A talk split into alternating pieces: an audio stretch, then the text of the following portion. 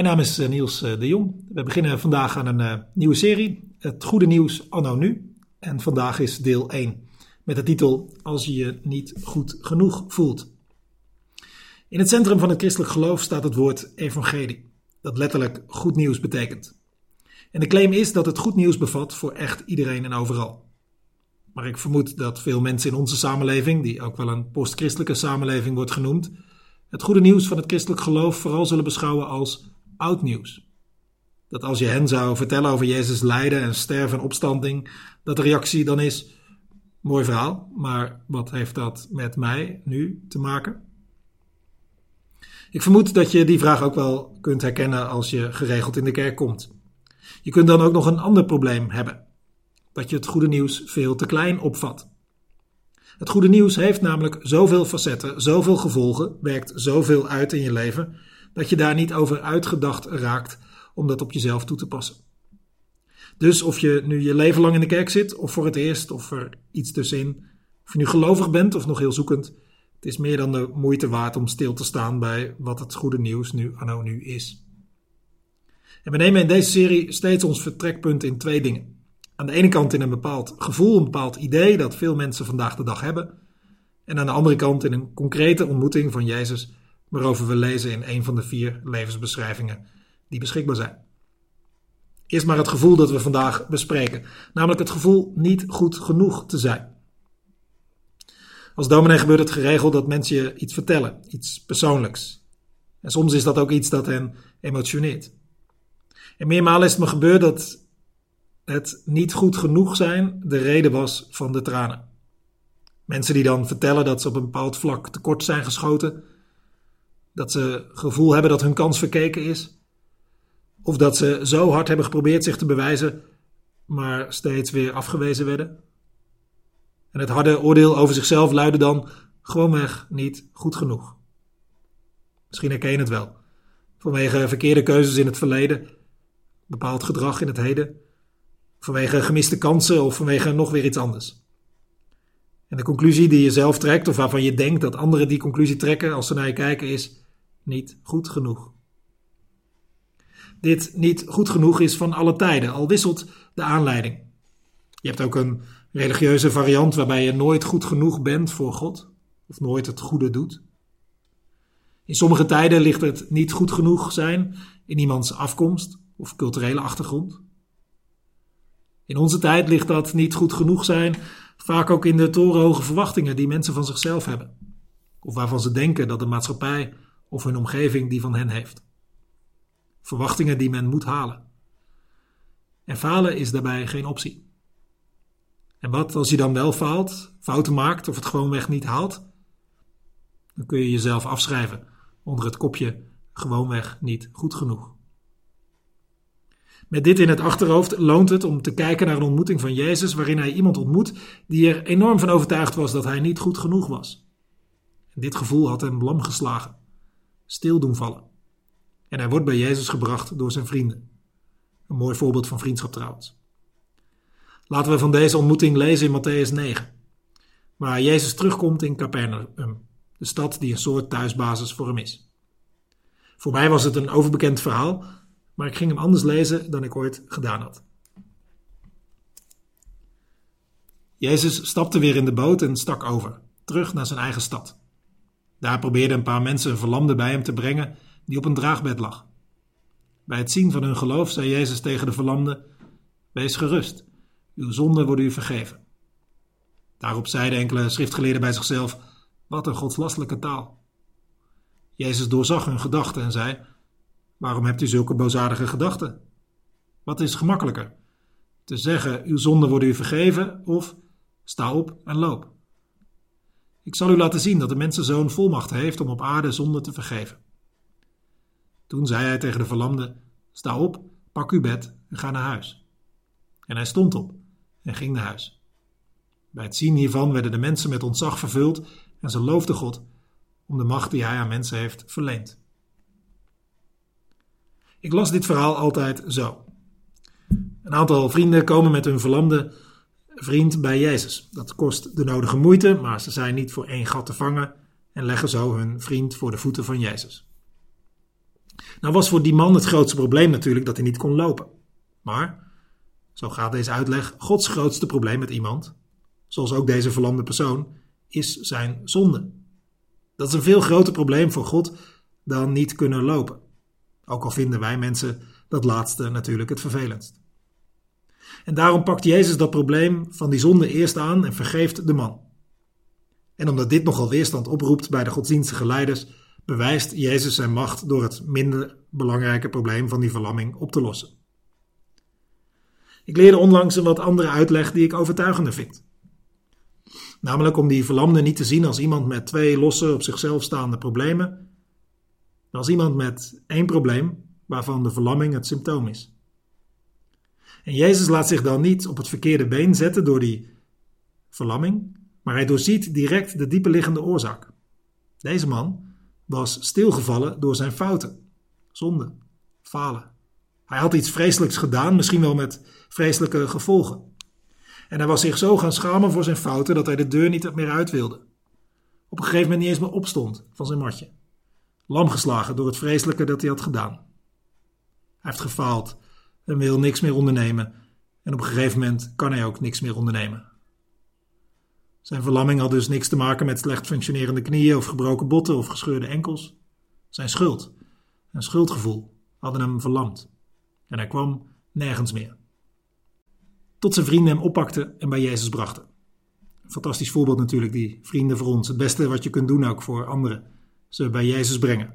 Door voor ze te bidden of ze ergens mee naartoe te nemen waar ze van Jezus kunnen horen. Maar Jezus heeft niet alleen een snelle en juiste diagnose, die zou een arts ook kunnen hebben, maar Jezus biedt meer. Jezus heeft het gezag om die man vrij te spreken van wat hem belast, wat hem neerdrukte. Een van God gekregen volmacht en met die volmacht spreekt Jezus hem vrij. Wees gerust, uw zonden zijn u vergeven. En ik las ergens dat dit woord voor vergeven iets met wegsturen te maken heeft. Jezus doet die zonde weg. Ze zijn er niet meer. Het pak dat veel te zwaar was geworden, is in één keer van de rug van de man. En daarna hoeft de man alleen nog maar op te staan om weer te kunnen gaan leven. Die aansporing heeft de man dan tenslotte ook wel nodig. Sta op en pak uw bed op en ga naar huis. En als die man die laatste aansporing van Jezus opvolgt, is dat het bewijs dat het pak daadwerkelijk van zijn rug is. Dat hij weer kan lopen. Hij kan weer verder. Die man die kan weer rechtop in het leven staan, mensen weer in de ogen kijken. Hij dacht dat zijn kans verkeken was, dat hij gewoon weg niet goed genoeg meer was. Maar Jezus haalt zijn last van zijn schouders en doet hem weer opstaan en leven. Maar wat zegt deze zondevergevende en mensenherstellende Jezus ons dan? Wat is voor ons dan het goede nieuws anno nu? Voordat we naar een antwoord op die vraag gaan en dan komen bij de kern van het goede nieuws, moeten we eerst een aantal belemmeringen bespreken. Want er liggen nogal wat misverstanden die de waarde en de relevantie van dit goede nieuws uh, belemmeren. Daarom wil ik eerst vier misverstanden uit de weg ruimen. En dan, denk ik, kunnen we dit nieuws, dit goede nieuws, aannemen. Want dat moet je natuurlijk met goed nieuws doen. Aannemen, voor waar houden en herleven. Geloven dus. Want anders heb je er niks aan. Vier dingen die ons kunnen hinderen. Heel kort het eerste misverstand. Dat je denkt dat dit verhaal en de woorden van Jezus gaan over iets van toen en daar. Iets van lang geleden, iets dat vast mooi is geweest voor die man, maar van toen en daar. Maar de claim van het christelijk geloof is dat Jezus leeft en je nog steeds kan bieden wat hij die man bood. Jezus kan jou mij bieden wat hij deze man bood.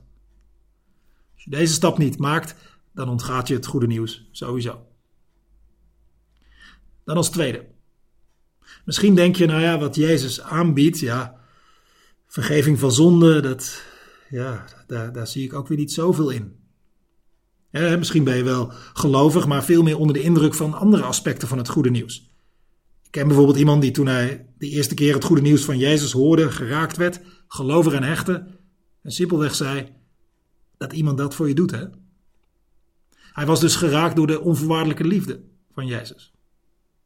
Voor een ander biedt Jezus en zijn opstanding uit de hoop bijvoorbeeld de hoop op toekomst, op herstel. En, en daar is niks mis mee dat je een bepaald aspect van het goede nieuws het meeste door geraakt wordt. Want het goede nieuws van Jezus heeft ook ontzettend veel aspecten. Maar ook al begint het bij jou misschien ergens anders. Ik zou deze stelling wel durven wagen. Er komt, vroeg of laat, altijd een moment dat je erachter komt dat je dit deel van het goede nieuws ook nodig hebt. Dit deel van vergeving van zonde en een nieuw begin. Het derde misverstand. Dat kost iets meer woorden.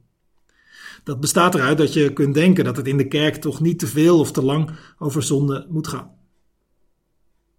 En dat is een fair point, want het kan er te veel en te lang over gaan. En er zijn bepaalde milieus waar het zo vaak over gaat dat je, dat je kan zien, sommigen kunnen daarover meepraten, kun je zien dat mensen kleiner worden gehouden. En waardoor dat niet goed genoeg gevoel alleen maar sterker wordt gemaakt en verlammend werkt bij mensen, waardoor er maar weinig echt geleefd wordt. Maar de oplossing is niet om het dan maar helemaal niet over te hebben. Ook al kun je ook andere redenen bedenken waarom je uh, kunt vinden dat het niet echt nodig is om er in de kerk veel over zonde te hebben. Hè, de meeste mensen deugen toch gewoon en bedoelen het tenminste toch allemaal best goed. En dat stoot dan toch alleen maar af als je het over zonde hebt en zo. Ik moest in dit verband denken aan iemand die in eerste instantie dat gepraat over zonde en schuld ook niet herkende. Te zwaar vond en zo. Het was iemand met een BN-status, ik dacht een actrice. En het was ergens op de grachtengordel uit 020. En excuus dat ik geen voorbeeld dichter bij huis kon bedenken. Zij bezocht op een keer een kerkdienst. En bij de uitgang stond de betreffende dominee handen te geven om mensen een goede zondag te wensen. De actrice kwam langs en de dominee kende haar en wist dat ze voor het eerst was en vroeg: Nou, hoe vond je het? Ze antwoordde zoiets als: Ja, het was mooi om er te zijn. Bedankt voor de dienst. Maar eerlijk gezegd, het ging wel veel over zonde en zo. Dat had voor mij niet gehoeven. Die dominee zei: Ach ja, maar wees blij dat er nog zulke plekken zijn in onze samenleving, waar er eerlijk wordt gedaan over je falen en je fouten. De actrice schoot vol en liep weg. Ze voelde blijkbaar gelijk aan dat zij ook zo'n plek nodig had voor haar eigen falen en fouten. In de kerk hebben we het niet over zonde en schuld om mensen een beetje lastig te vallen of het plezier te ontnemen, of omdat we denken dat er niets deugt aan mensen. Nee, we hebben het erover. En ook niet alleen voor de mensen die maar al te goed weten dat ze gefaald hebben.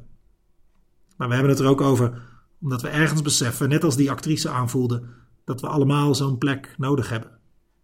Waar je eerlijk kunt worden over je eigen falen en fouten. Over je niet goed genoeg gevoel. En ja, die dominee heeft denk ik gelijk. Zulke plekken zijn er niet zoveel meer. Ook deze week kon je horen en zien dat we in een cancel culture leven, een afrekencultuur. Dat zie je uitvergroot in Hilversum, het centrum van de media. En je ziet het uitvergroot in Den Haag, het centrum van de politiek. Mensen worden afgerekend op hun fouten, die ze dan ook voortdurend proberen weg te stoppen, toe te dekken of te doen alsof het allemaal toch niet zo erg is. Maar zo lost er niks op en verandert er ook niks. De kerk biedt dan een plek waar je eerlijk kunt worden over je eigen falen en fouten. En de kerk doet het dan niet af met dooddoeners als: ach ja, is allemaal gebeurd. Doe er gewoon niet zo moeilijk over. En, en zegt ook niet: ach, je hebt het vast goed geprobeerd. En ze zegt ook niet: zo'n gevoel is toch niet productief, laat gaan. Nee. In de kerk hoor je dit. Wij zijn ergens allemaal zondaars. Dat weten we van elkaar. Maar we weten ook van vergeving. Dankzij Jezus. En zo erover te spreken, dat is het begin dat er wel wat verandert. Het vierde misverstand is dat je denkt: ja, dit is eh, vast wel heel mooi voor mensen die, die duidelijk weten dat ze gefaald hebben, die ooit een verschrikkelijke fout hebben gemaakt of iets vreselijks hebben gedaan. Uh, of mensen die aan pillen, porno of iets anders verslaafd zijn, of uh, misschien uh, betrokken zijn geweest bij overspel, iemand hebben bedrogen of iets anders hebben gedaan dat hen belast en neerdrukt. Maar voor mezelf gesproken, mm, ik herken me niet zo in die man. Ik herken me ook niet in dat niet goed genoeg voelen. Ik heb er geen last van, van een zonde of schuld of iets. Dus ik heb ook niet zoveel met de boodschap, met deze boodschap van Jezus. Dan zou ik dit willen zeggen. Het is natuurlijk niet zo dat als je iets niet ziet, of ergens geen last van hebt, dat er dan ook niks mis zit. Andersom kan natuurlijk ook hè, dat je het gevoel hebt tekort geschoten te hebben, schuldig te zijn, terwijl dat helemaal niet zo is. Schuld en schuldgevoel komen niet altijd op een juiste manier overeen. Maar goed, wat als je volstrekt niet herkent tekort te schieten of gefaald te hebben? Nou ja, het lijkt me dan goed om kritisch op jezelf te blijven. Want het kan zomaar dat er toch wel dingen miszitten, maar dat jij het gewoonweg niet ziet. Bijvoorbeeld omdat jouw zonden volledig cultureel geaccepteerd zijn. Of dat die dingen in jouw omgeving heel gewoon zijn geworden, terwijl je toch echt je doel ermee mist. Of omdat je het goed verborgen weet te houden, zoals bijvoorbeeld de zonde van hoogmoed, wat volgens iemand als C.S. Lewis de grootste en lelijkste zonde van allemaal is. Eentje die je kunt maskeren, ook voor jezelf. Maar iedere zonde, hoe verborgen ook, maakt je minder mens, minder menselijk ook. Het kan ook nog eens zijn dat de gevolgen van ons gedrag misschien niet zo zichtbaar zijn, terwijl hoe wij omgaan met anderen, met de aarde, met ons geld, met onze tijd, wel degelijk zonde is en anderen benadeelt, anderen dichtbij of verder weg. Ook al zien we niet direct wie het nou precies benadeelt. En als het klopt wat C.S. Lewis ook zegt, dat wij allemaal excuse makers zijn en blame shifters. Experts zijn we erin, volgens hem. In excuse makers verontschuldigingen maken. Oftewel zeggen van ja, ach, eh, gelet op de omstandigheden kon ik toch ook niet veel anders. Of, of blame shifting, schuld verplaatsen. Oftewel ja, bij die ander, daar ging het pas echt mis. Die, daar begon het. Of, of nou ja, moet je, moet je kijken hoe die ander is. Die is pas echt slecht. Je hoeft niet veel moeite te doen om dit gedrag van excuse making of blame shifting om dat te herkennen bij de schandalen van de afgelopen weken bij bekende Nederlanders of politici. Grote kans dat je meer moeite moet doen om het bij jezelf te herkennen. Omdat we in de regel onszelf beter voor de gek kunnen houden dan dat we een ander ons voor de gek laten houden. Vier misverstanden dus, die ons belemmeren om het goede nieuws uit deze ontmoeting te horen. En heel kort nog die antwoorden op die misverstanden. Als eerste, Jezus kan bij jou doen wat hij bij die man deed. Tweede, iedereen van ons komt, vroeger of later, op het punt dat hij vergeving nodig gaat hebben. De derde plaats, het is zeker in onze tijd, maar goed ook dat de kerk over zonde en vergeving praat. Omdat onze cultuur met beide dingen grote moeite heeft. Vierde, ook al heb je zelf geen last van je zonde, zie je ze niet. Er kan zomaar wat miszitten. En als je daar niet bij Jezus komt en vergeven wordt, dan zal je op dat punt ook niet veranderen. En nu we deze misverstanden hebben besproken, kunnen we denk ik pas echt het goede nieuws anno nu horen, de relevantie, de waarde ervan zien, wie je ook bent. Of je hoort bij de groep die niet duidelijk gemaakt hoeft te worden dat er iets is misgegaan, zoals die verlamde man, of dat je tekort, je niet goed genoeg voelen, je schuld, je falen veel meer aan de binnenkant afspeelt, verborgen voor anderen. Het goede nieuws is dat als je aan de voeten van Jezus komt, je hoort dat je vergeven bent. Daar moet je dan trouwens wel komen, aan de voeten van Jezus. Hè? Daar kom je niet als je je te goed voelt. Daar kom je niet als je denkt dat je het allemaal prima voor elkaar hebt. Daar kom je als je weet dat er wat mis zit. En als je naar Jezus gaat, ja, dan hoor je dit goede nieuws. Wees gerust. Je zonden zijn vergeven. Ik hoop dat je deze goede woorden van Jezus kunt aannemen. Dat alles wat niet goed genoeg aan je is of is geweest, dat ieder falen, iedere fout, iedere schuld, ieder tekortschieten, ieder woord, iedere daad, iedere gedachte waarvoor je zo schaam als iemand het wist, dat die vergeven is. Alles waarvan je bewust bent en ook de dingen die miszitten waar je niet bewust van bent. Alle gemiste kansen. Alles wat je jezelf nog steeds verwijt. Iedere keer dat je over de schreef bent gegaan, het is je vergeven. Iedere jeugdzonde, iedere recente fout, ieder moment waarop je schade deed aan anderen, dichtbij of ver weg. Dat je vergeven bent. Alles waarmee je jezelf hebt belast, het is vergeven. Als je deze boodschap van Jezus kunt aannemen, dan kun je dat stemmetje in je hoofd niet goed genoeg, het zwijgen, opleggen. Wat er ook mis is gegaan, het is weggewerkt door Jezus. Je hebt een schone lei. En ja, misschien Je eigen stem in je hoofd of je eigen demonen, om het zo te zeggen, die willen je zeggen dat het allemaal niet weg is. Dat het niet, niet zomaar gaat. Maar hoor dan wat Jezus zegt. Wees gerust. Je zonden zijn je vergeven. Er is geen tekort, schuld of ook maar iets dat de reden is om jou zo neer te drukken. Er is niks meer over. Wees gerust. En ook als er alleen dat onbestemde gevoel van tekortschieten is, zonder dat je goed weet wat de oorzaak is. Ook dan is dit goed nieuws voor jou, want dan weet je dat er door zijn vergeving geen enkele grond is voor dit gevoel. Want Jezus heeft alles weggedaan, alles weggehaald. En als er ooit nog een stem in je opkomt, via anderen of binnen jezelf, een denkbeeldige stem of dat het letterlijk tegen je gezegd wordt door anderen dat je niet goed genoeg bent, is het belangrijk dat je deze zin van Jezus hoort en blijft horen. Dat je weet wat anderen ook zeggen, hoe je jezelf ook kunt aanklagen. Ik kan gerust zijn, want alles is vergeven. Sommigen van ons zullen dit één keer horen en aannemen en gerust zijn. En anderen zullen dit zich steeds weer moeten herinneren dat Jezus dit zegt. Net zo nodig om aan te nemen is het tweede wat Jezus zegt en ik hoop ook dat je dat hoort. Sta op. Niet blijven liggen. Dat is nergens voor nodig. Niet blijven hangen in het verleden. Wat er ook mis is gegaan, hoeveel of hoe weinig. Sta op. Je bent niet je fout. Je gemiste kans, je tekortschieten, je schuld of je falen. Dat is allemaal weg. En dus, sta op en ga verder. Ik sluit af. Een paar weken geleden vierden we Goede Vrijdag en Pasen. Het verhaal van de kruisdood en opstanding van Jezus uit de dood. Dit verhaal verwijst daar op een bepaalde manier ook naar. Dit is ergens ook een paasverhaal. Want je zou kunnen zeggen, Jezus was lam geslagen en stuk geslagen aan het kruis om de zonde van mensen. En Jezus werd ook opgepakt. Niet door zijn vrienden, maar zijn vijanden. Hij werd niet met liefde neergelegd, maar aan het kruis gehangen. Maar zo droeg hij alle zonden van overal en iedereen, om ze te kunnen vergeven. En als bewijs van die zondevergeving door Jezus is er zijn opstanding. Hij leeft voor altijd. En als je dit van hem aanneemt, gelooft, dan mag je opstaan.